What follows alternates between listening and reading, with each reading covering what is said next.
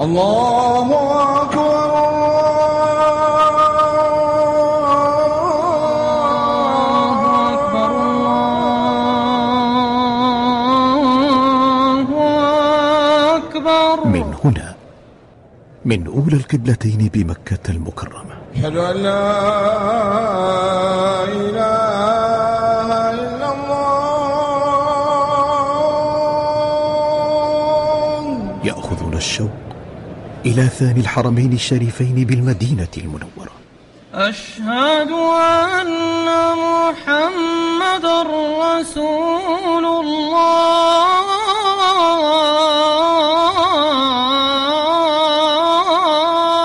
من روضة المصطفى صلى الله عليه وسلم لنستشعر الجوار وننعم بما يفيض علينا شرف المكان من دروس العلم والمعرفة مع فضيلة الشيخ الدكتور إبراهيم ابن عامر الرحيلي المدرس بالمسجد النبوي الشريف. والإخلاص لله عز وجل هو أن يعمل العبد العمل يتقرب به إلى الله عز وجل يرجو ثوابه من الله. يأتيكم مباشرة بالتعاون مع وكالة الرئاسة العامة لشؤون المسجد النبوي الشريف من السبت إلى الأربعاء بين المغرب والعشاء. ويعاد قبيل صلاة الفجر. إذاعة نداء الإسلام من مكة المكرمة. أصلها ثابت وفرعها في السماء. بسم الله الرحمن الرحيم. الحمد لله رب العالمين. والصلاة والسلام على عبد الله ورسوله نبينا محمد وعلى آله وصحبه أجمعين. أما بعد فهذا هو الدرس التاسع والعشرون. من دروس فضيلة شيخنا الأستاذ الدكتور إبراهيم بن عامر الرحيلي حفظه الله تعالى في الشرح والتعليق على كتاب اللؤلؤ والمرجان فيما اتفق عليه الشيخان لجامعه الشيخ محمد فؤاد عبد الباقي رحمه الله تعالى. قال رحمه الله باب تحريم قتل الكافر بعد أن قال لا إله إلا الله. الحديث الثاني حديث أسامة بن زيد رضي الله عنهما أنه قال بعثنا رسول الله صلى الله عليه وسلم إلى الحرقة فصبحنا القوم فهزمناهم ولحقت أنا ورجل من الأنصار رجلا منهم فلما غشيناه قال لا إله إلا الله فكف الأنصاري عنه وطعنته برمحي حتى قتلته فلما قدمنا بلغ النبي صلى الله عليه وسلم فقال يا أسامة أقتلته بعدما قال لا إله إلا الله؟ قلت كان متعوذا فما زال يكررها حتى تمنيت أني لم أكن أسلمت قبل ذلك اليوم. إن الحمد لله نحمده ونستعينه ونستغفره ونتوب إليه ونعوذ بالله من شرور أنفسنا ومن سيئات أعمالنا. من يهده الله فلا مضل له ومن يضلل فلا هادي له. وأشهد أن لا إله إلا الله وحده لا شريك له وأشهد أن نبينا محمدا عبده ورسوله. اللهم صل وسلم وبارك على عبدك ورسولك محمد وعلى آله وصحبه أجمعين. أما بعد نواصل درسنا بتوفيق الله في التعليق على كتاب اللؤلؤ والمرجان فيما اتفق عليه الشيخان. وكنا قد انتهينا في الدرس السابق عند الحديث الأول من باب تحريم قتل الكافر بعد أن قال لا إله إلا الله.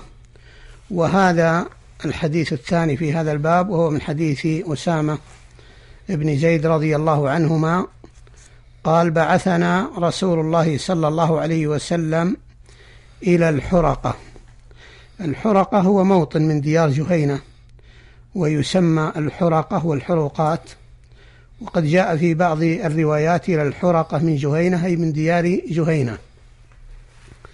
قال فصبحنا القوم فهزمناهم. صبحناهم يعني أغرنا عليهم وقت الصباح. فصبحنا القوم فهزمناهم يعني كانت كان النصر لنا وتمكنا من هزيمتهم. وهذه المقدمة ليبين الحال الذي كان فيه أسامة ابن زيد وذلك الأنصاري الذي كان معهم أنهم هزموا القوم.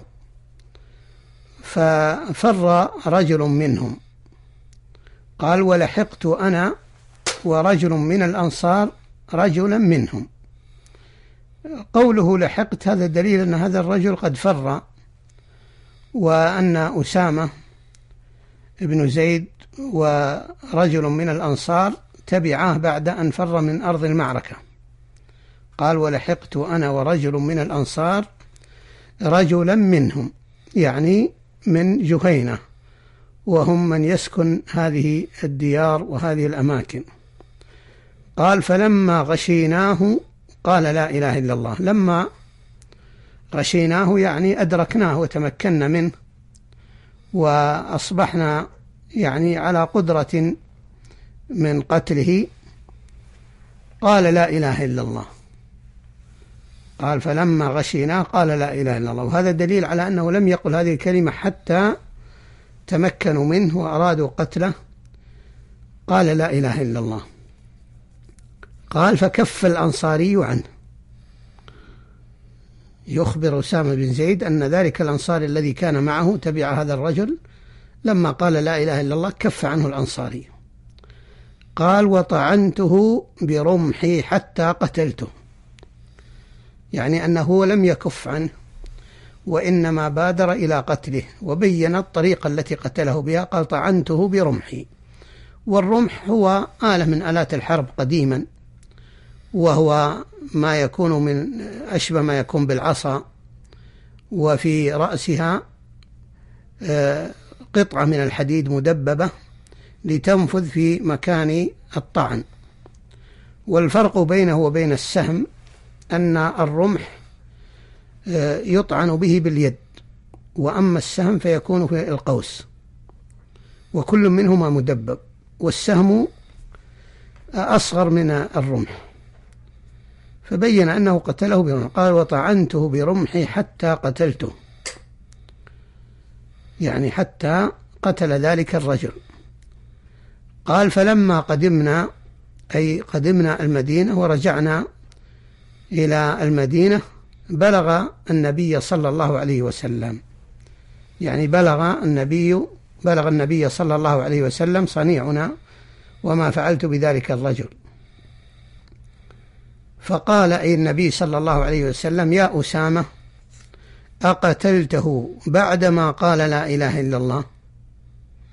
وهذا استفهام إنكاري.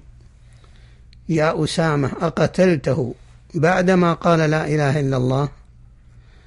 قال أسامة قلت كان متعوذا كان متعوذا. يعني ذلك الرجل الذي قتلته بعد أن قال لا إله إلا الله إنما قال هذه الكلمة تعوذا ومعنى تعوذا اعتصاما بها.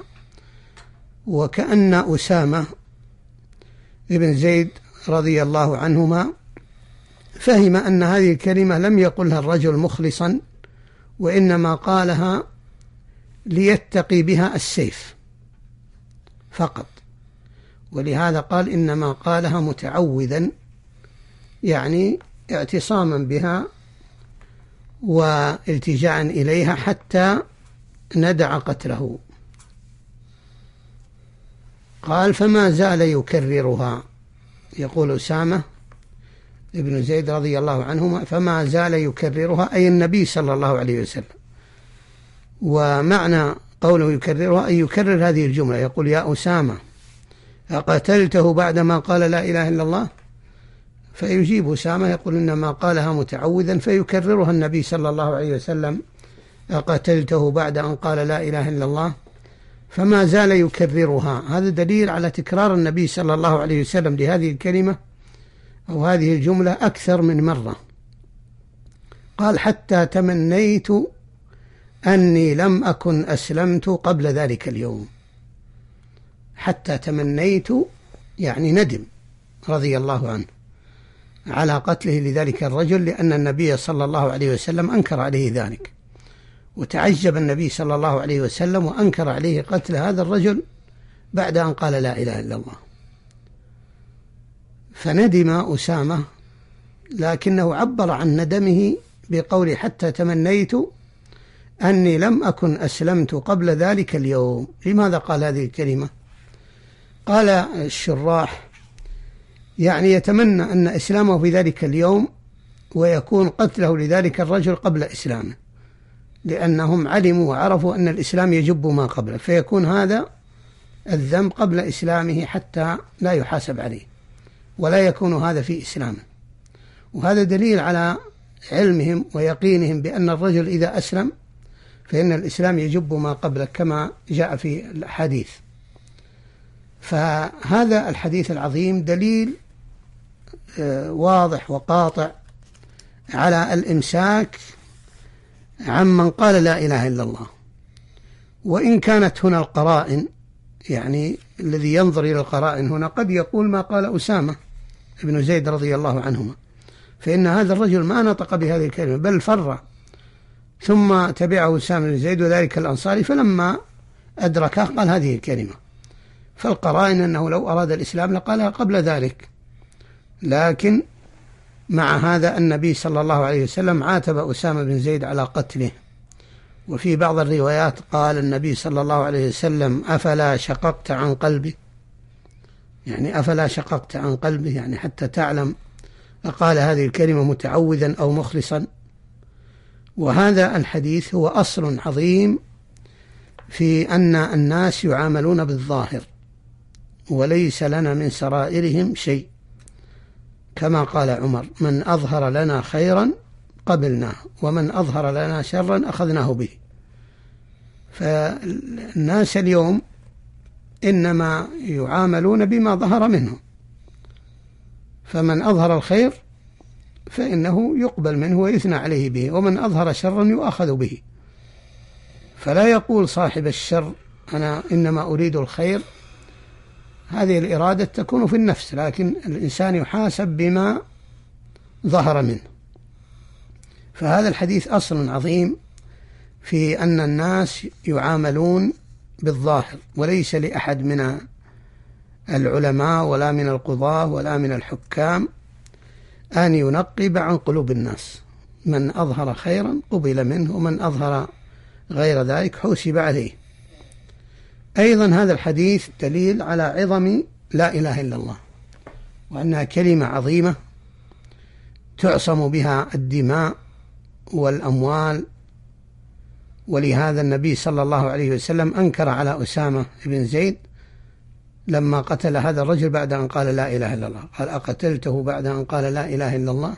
يعني هذه الكلمة تعصم الدم ويمسك عن صاحبها. ولو كان لم يكن بينه وبين قولها إلا أن يرفع عليه السيف كما حصل في هذه الحادثة العظيمة التي هي درس في الحقيقة للأمة أنه ليس لأحد أن ينقب عما في قلوب الناس وإنما يحاسب الناس على أو يعامل الناس بما ظهر منهم. أيضا هذا الحديث دليل على فضل لا إله إلا الله. وأن هذه الكلمة العظيمة يدخل بها الرجل في الإسلام. لكن من شرط صحتها أن يقولها مخلصا. قد يقول قائل النبي صلى الله عليه وسلم هنا ما اشترط الإخلاص؟ نقول هذا مما دلت عليه الأدلة. وكذلك قول النبي صلى الله عليه وسلم إنما الأعمال بالنيات.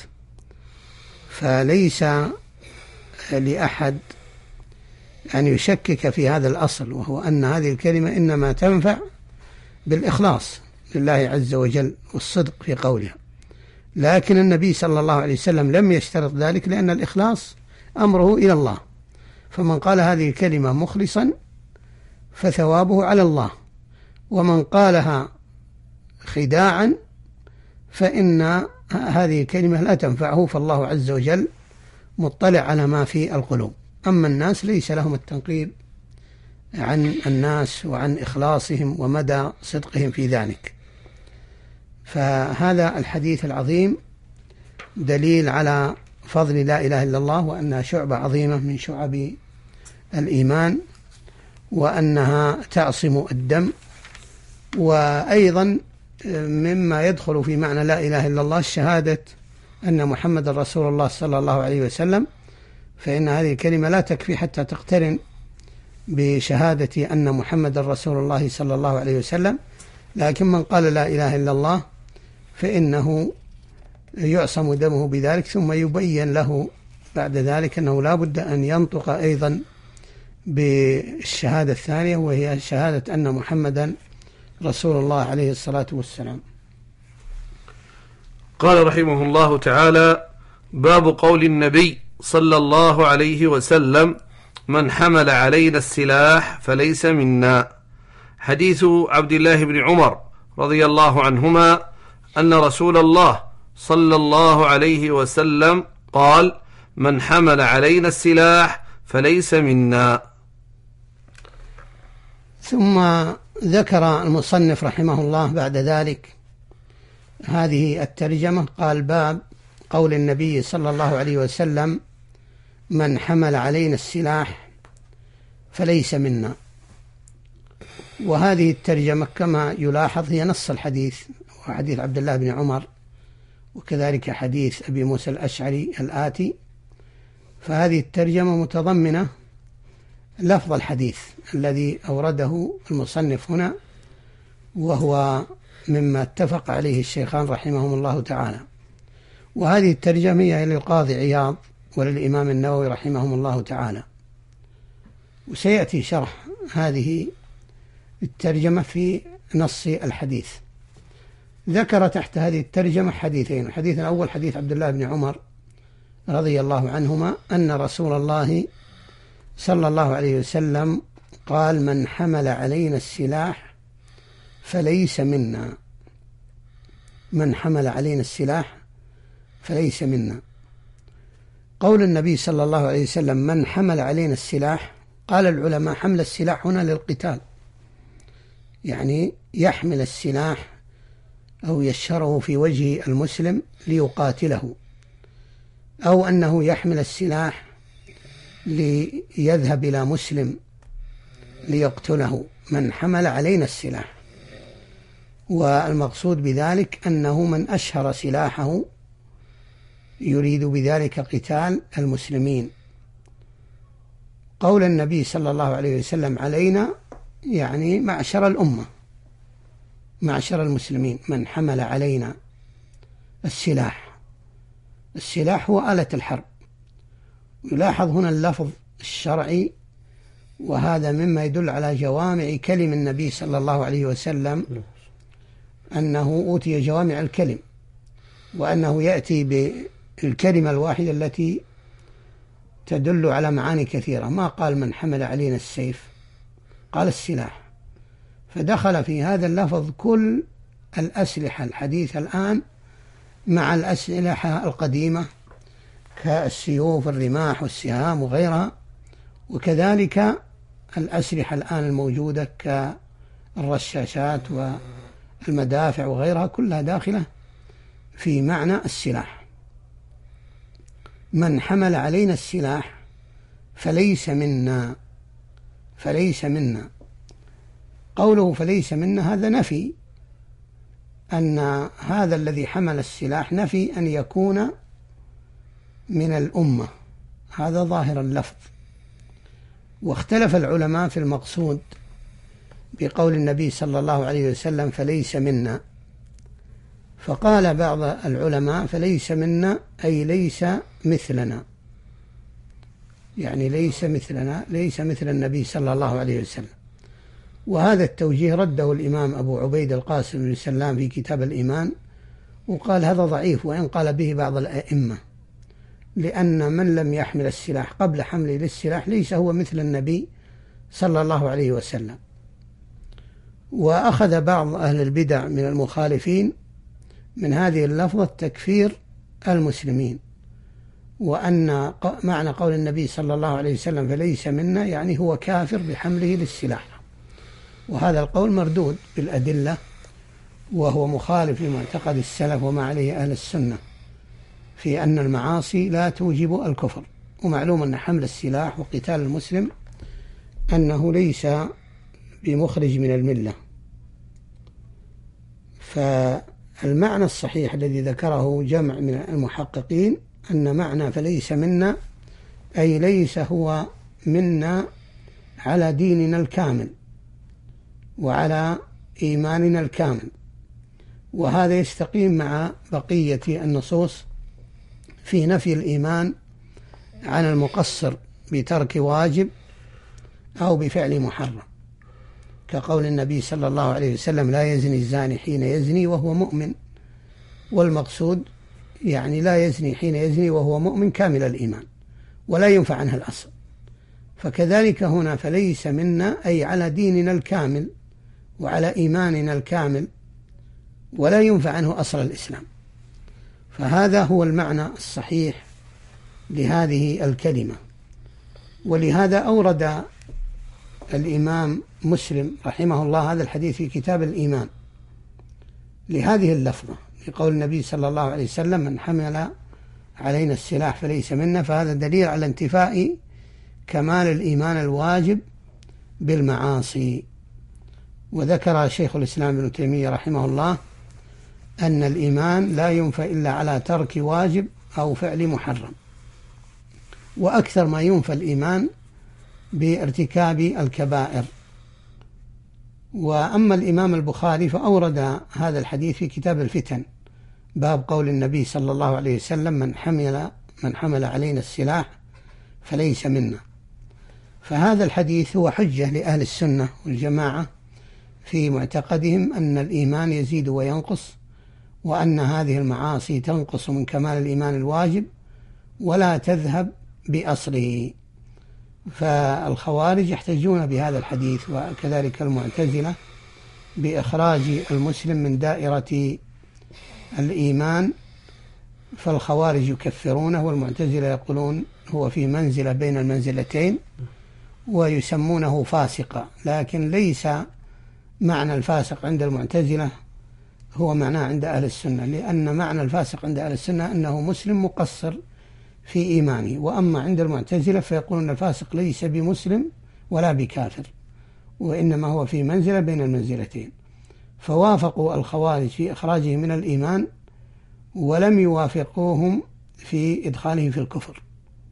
لكن في حكم الآخرة يتفق آه، الفريقان أو تتفق الطائفتان من الخوارج والمعتزلة على أنه خالد مخلد في نار جهنم. لكن افترقوا أيضا في نوع عذابه. فالخوارج يقولون يعذب عذاب الكافرين والمعتزلة يقولون يعذب عذابا دون ذلك. وأما أهل السنة فيقولون أن هذا دليل على انتفاء الإيمان الكامل بفعل شيء من المعاصي وهذا لا يجيب الكفر. وحكم هذا العاصي أو الذي ينفع عنه الإيمان أنه تحت المشيئة. إن شاء الله غفر له وإن شاء عذبه. ولكن إن دخل النار فإنه لا يخلد فيها كما هو معلوم من دلالة الأدلة ومعتقد أهل السنة والجماعة. الحديث الثاني حديث أبي موسى رضي الله عنه عن النبي صلى الله عليه وسلم أنه قال من حمل علينا السلاح فليس منا. آه، أيضا هذا الحديث وهو الحديث الثاني في هذا الباب حديث أبي موسى الأشعري رضي الله عنه عن النبي صلى الله عليه وسلم قال من حمل علينا السلاح فليس منا وهو بلفظ الحديث السابق وهو حديث عبد الله بن عمر. وهذا الحديث أيضا ورد بلفظ من سل علينا السيف فليس منا وهو من حديث سلمة بن الأكوع رضي الله عنه. فثبت بهذا اللفظ من طريق ابن عمر وطريق أبي موسى الأشعري وثبت بلفظ من سل علينا السيف والسيف هنا آه، هو من آلة الحرب. وقول النبي صلى الله عليه وسلم في هذا اللفظ السلاح هو أعم من السيف. ولكن آه، عندما قال السيف فإن هذا يدخل في معناه أيضا من كان من آلة الحرب.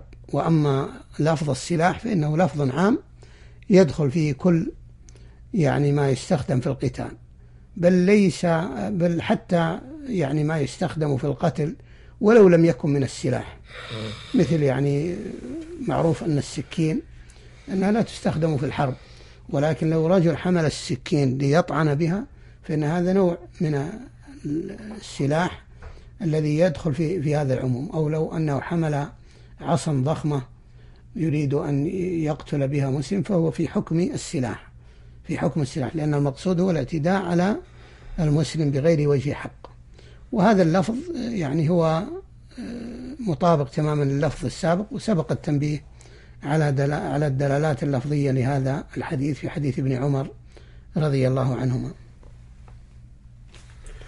قال رحمه الله تعالى باب تحريم ضرب الخدود وشق الجيوب والدعاء بدعوى الجاهلية. حديث عبد الله بن مسعود رضي الله عنه أنه قال قال النبي صلى الله عليه وسلم ليس منا من ضرب الخدود وشق الجيوب ودعا بدعوى الجاهلية. ثم ترجم المصنف رحمه الله بقوله باب تحريم ضرب الخدود وشق الجيوب والدعاء بدعوى الجاهلية. وهذه الترجمة هي للقاضي عياض وتابعه عليها النووي رحمهم الله تعالى. وسيأتي التنبيه على هذه الألفاظ ضرب الخدود وشق الجيوب والدعاء بدعوى الجاهلية في نص الحديث.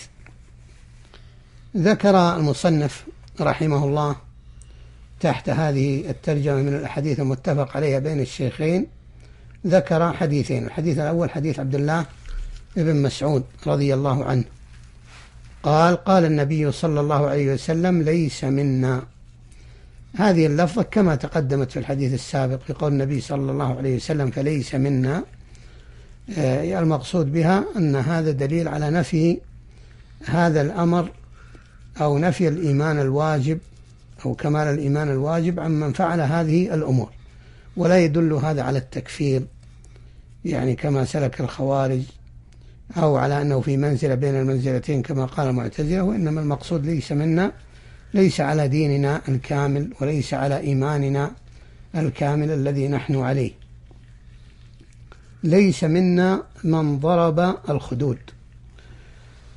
المقصود بضرب الخدود هنا ضربها على وجه التسخط وهو ما يفعله أهل الجاهلية إذا نزلت بهم مصيبة فإنهم يضربون الخدود. ويكثر هذا في النساء. فإذا أصيبت بمصيبة ضربت بيديها آه، وجهها من جهة الخدين. وقد يكون هذا الضرب على الرأس وقد يكون على الخدين وقد يكون للصدر. المقصود هنا أن هذا الفعل هو للتسخط. ليس منا من ضرب الخدود على وجه التسخط. ويدخل في معنى ضرب الخدود ضرب الرأس أو ضرب الفخذ على وجه التسخط أو أن يضرب بيده الأرض أو يضرب بيده شيئا بجانبه لأن المقصود بذلك هو الفعل وليس المقصود هو أن هذا الضرب إنما يحرم للخدود ويباح في غيرها أنه فعل من أفعال التسخط. والمؤمن إذا أصيب بمصيبة يمتثل هدي النبي صلى الله عليه وسلم فيما وجه إليه أن يقول قدر الله أو قدر الله وما شاء فعل. ولا يفعل شيئا من أفعال التسخط لأن هذه الأفعال مؤاخذ بها. وأما دمع العين فإنه لا يؤاخذ به كما حصل من النبي صلى الله عليه وسلم لما مات ابنه إبراهيم قال إن القلب ليحزن وإن العين لتدمع. وإن على فراقك يا إبراهيم لمحزنون ولا نقول إلا ما يرضي ربنا. فهذا دليل على أن دمع العين لا يضر. وأما ما يفعله الإنسان باختياره كضرب الخدود أو شق الجيوب أو أن يفعل شيئا من أفعال التسخط فإنه مؤاخذ بذلك. ويدخل أو يشمل معنى ضرب الخدود آه، ضرب الرؤوس أو بقية البدن أو أن يضرب بيده الأرض كل هذه الأفعال من أفعال التسخط. بل لو فعل غير الضرب غير ضرب الخدود فعل فعلا آخر مثل أن يضرب بقدمه الأرض أو يضرب الحجارة بجانبه على وجه التسخط فإن هذا في معنى ضرب الخدود. وشق الجيوب. شق الجيوب أيضا عادة جاهلية عندما يصاب الرجل أو المرأة بمصيبة يقوم بشق جيبه والجيب هو مدخل الرأس من القميص. القميص هذا الذي يجعل في البدن يدخل رأسه ليكون القميص على بدنه. فهذا هو الجيب. وليس المقصود بالجيب ما هو متعارف عليه عندنا الآن وهو ما يجعل في القميص أو في الثوب لوضع النقود أو الأوراق أو ما أشبه ذلك. لا المقصود بالجيب هنا هو مدخل الرأس من الثوب أو القميص. وكانوا قديما إذا أراد الرجل أو المرأة من أصيب بمصيبة أن يتسخط يضع آه، يديه كل يد في جانب من الجيب ثم يمزق قميصه أو ثوبه حتى يقطعه قطعتين دليل على التسخط. وهذا الأمر أيضا من أفعال الجاهلية ولهذا نهى النبي صلى الله عليه وسلم عنه. وكذلك يدخل في شق الجيوب أن يمزق ثيابه بأي طريقة. يعني ليس بالضرورة أن يشق الجيب يعني لو أنه مزق ثوبه بأي طريقة أو أخذه وقطعه بسكين أو بمقص على طريقة آه، تسخط أو يريد بذلك التسخط فإنه يدخل في هذا الأمر شق الجيوب. ودعا بدعوى الجاهلية. دعا بدعوى الجاهلية أي ما يدعو به أهل الجاهلية عند المصيبة. قال العلماء المقصود بدعوى الجاهلية هنا أمر خاص وهو ما يقوله أهل الجاهلية عند التسخط لأن السياق كله هنا في بعض الأفعال التي يفعلها أهل الجاهلية عند التسخط من ضرب الخدود وشق الجيوب والدعاء بدعوى الجاهلية كما يقول بعضهم عند المصيبة يا ويلاه يا ثبوراه. تقول المرأة يعني من مات من أقاربها يا كهفاه يا عضداه. كل هذا يقولونه على وجه التسخط. فهنا يلاحظ أن كل ما يقال أو يفعل على وجه التسخط هو مؤاخذ به. يعني فعل اليد وأيضا قول اللسان مؤاخذ به. بقي عندنا أمران وهو دمع العين وحزن القلب. إذا هنا لدينا أربعة أمور وهذه الجوارح التي قد يقال أنها تتأثر بالمصيبة القلب والعين واليد واللسان. فاللسان لا يجوز الإنسان يتكلم إلا بما يرضي الله عز وجل. ولكن من غلب عليه عقله من غلب عليه عقله ولا يدري ما يقول كالذي يغلق عليه عند المصيبة وعند الفرح فهو لا يؤاخذ بذلك. لكن كان يعقل ما يقول فإنه مؤاخذ بذلك. هذا عمل اللسان. وكذلك عمل الجوارح مثل ضرب الخدود أو شق الجيوب أو غيرها من الأمور الأخرى. ما يفعله بعض المتسخطين الآن. كان يهمل نفسه عند المصيبة لا يغتسل. وبعضهم يترك شعره ولا يقلم أظافره ولا يقص شعره المأذون به. بل أن بعضهم يعفي لحيته عند المصيبة.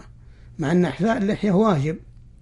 لكن هذا الإعفاء هنا يؤخذ به وهو محرم لأنه ما فعله على وجه امتثال آه، أمر النبي صلى الله عليه وسلم بإعفاء اللحية وإنما أعفى لحيته تسخطا ولهذا متى ما ذهب الحزن عاد لحلقها. فكما قال النبي صلى الله عليه وسلم إنما الأعمال بالنيات فهذا لم يعفي لحيته آه، إنما أراد بذلك التسخط. وهذا قد يقال أن هذا الشيء قد يكون واجبا مرة وقد يكون محرما ولكن هذا كله بحسب المقاصد والنيات. هذا الحديث كالحديث السابقة فيه نفي الإيمان الكامل الواجب لمن فعل هذه الأشياء وهذه كلها من المعاصي ضرب الخدود وشق الجيوب ودعوة بدعوة الجاهلية إلا يعني أن يصحب دعاء الجاهلية ودعاوى الجاهلية أن يقول كفرا والعياذ بالله كأن يسب الله ويسب النبي صلى الله عليه وسلم.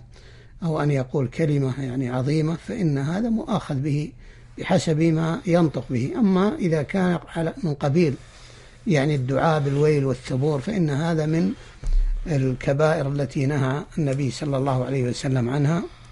ونختم بهذا درسنا. نسأل الله عز وجل التوفيق والسداد ونسأل الله أن يصلح حالنا وحال المسلمين. هذا والله أعلم. وصلى الله وسلم وبارك على عبده ورسوله محمد وعلى آله وصحبه أجمعين. يتجدد اللقاء بكم لمتابعة هذه الدروس مباشرة من هنا من مسجد المصطفى صلى الله عليه وسلم بصحبة فريق العمل من الإعداد فضل الحارجي ومن الإخراج حمزة زاكور وزياد الفريدي ومن الإشراف العام الأستاذ علي الثقفي. وإلى اللقاء. الله أكبر الله أكبر الله أكبر. من هنا من أولى القبلتين بمكة المكرمة. أشهد أن لا إله إلا الله. يأخذنا الشوق إلى ثاني الحرمين الشريفين بالمدينة المنورة. أشهد أن محمد رسول الله.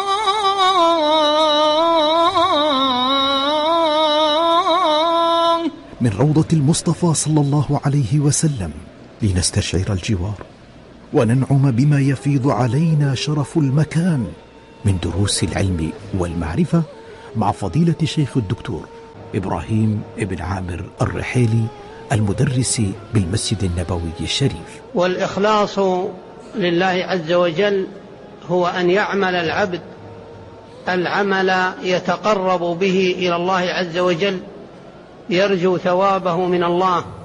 يأتيكم مباشرة بالتعاون مع وكالة الرئاسة العامة لشؤون المسجد النبوي الشريف من السبت إلى الأربعاء بين المغرب والعشاء ويعاد قبيل صلاة الفجر. إذاعة نداء الإسلام من مكة المكرمة. أصلها ثابت وفرعها في السماء.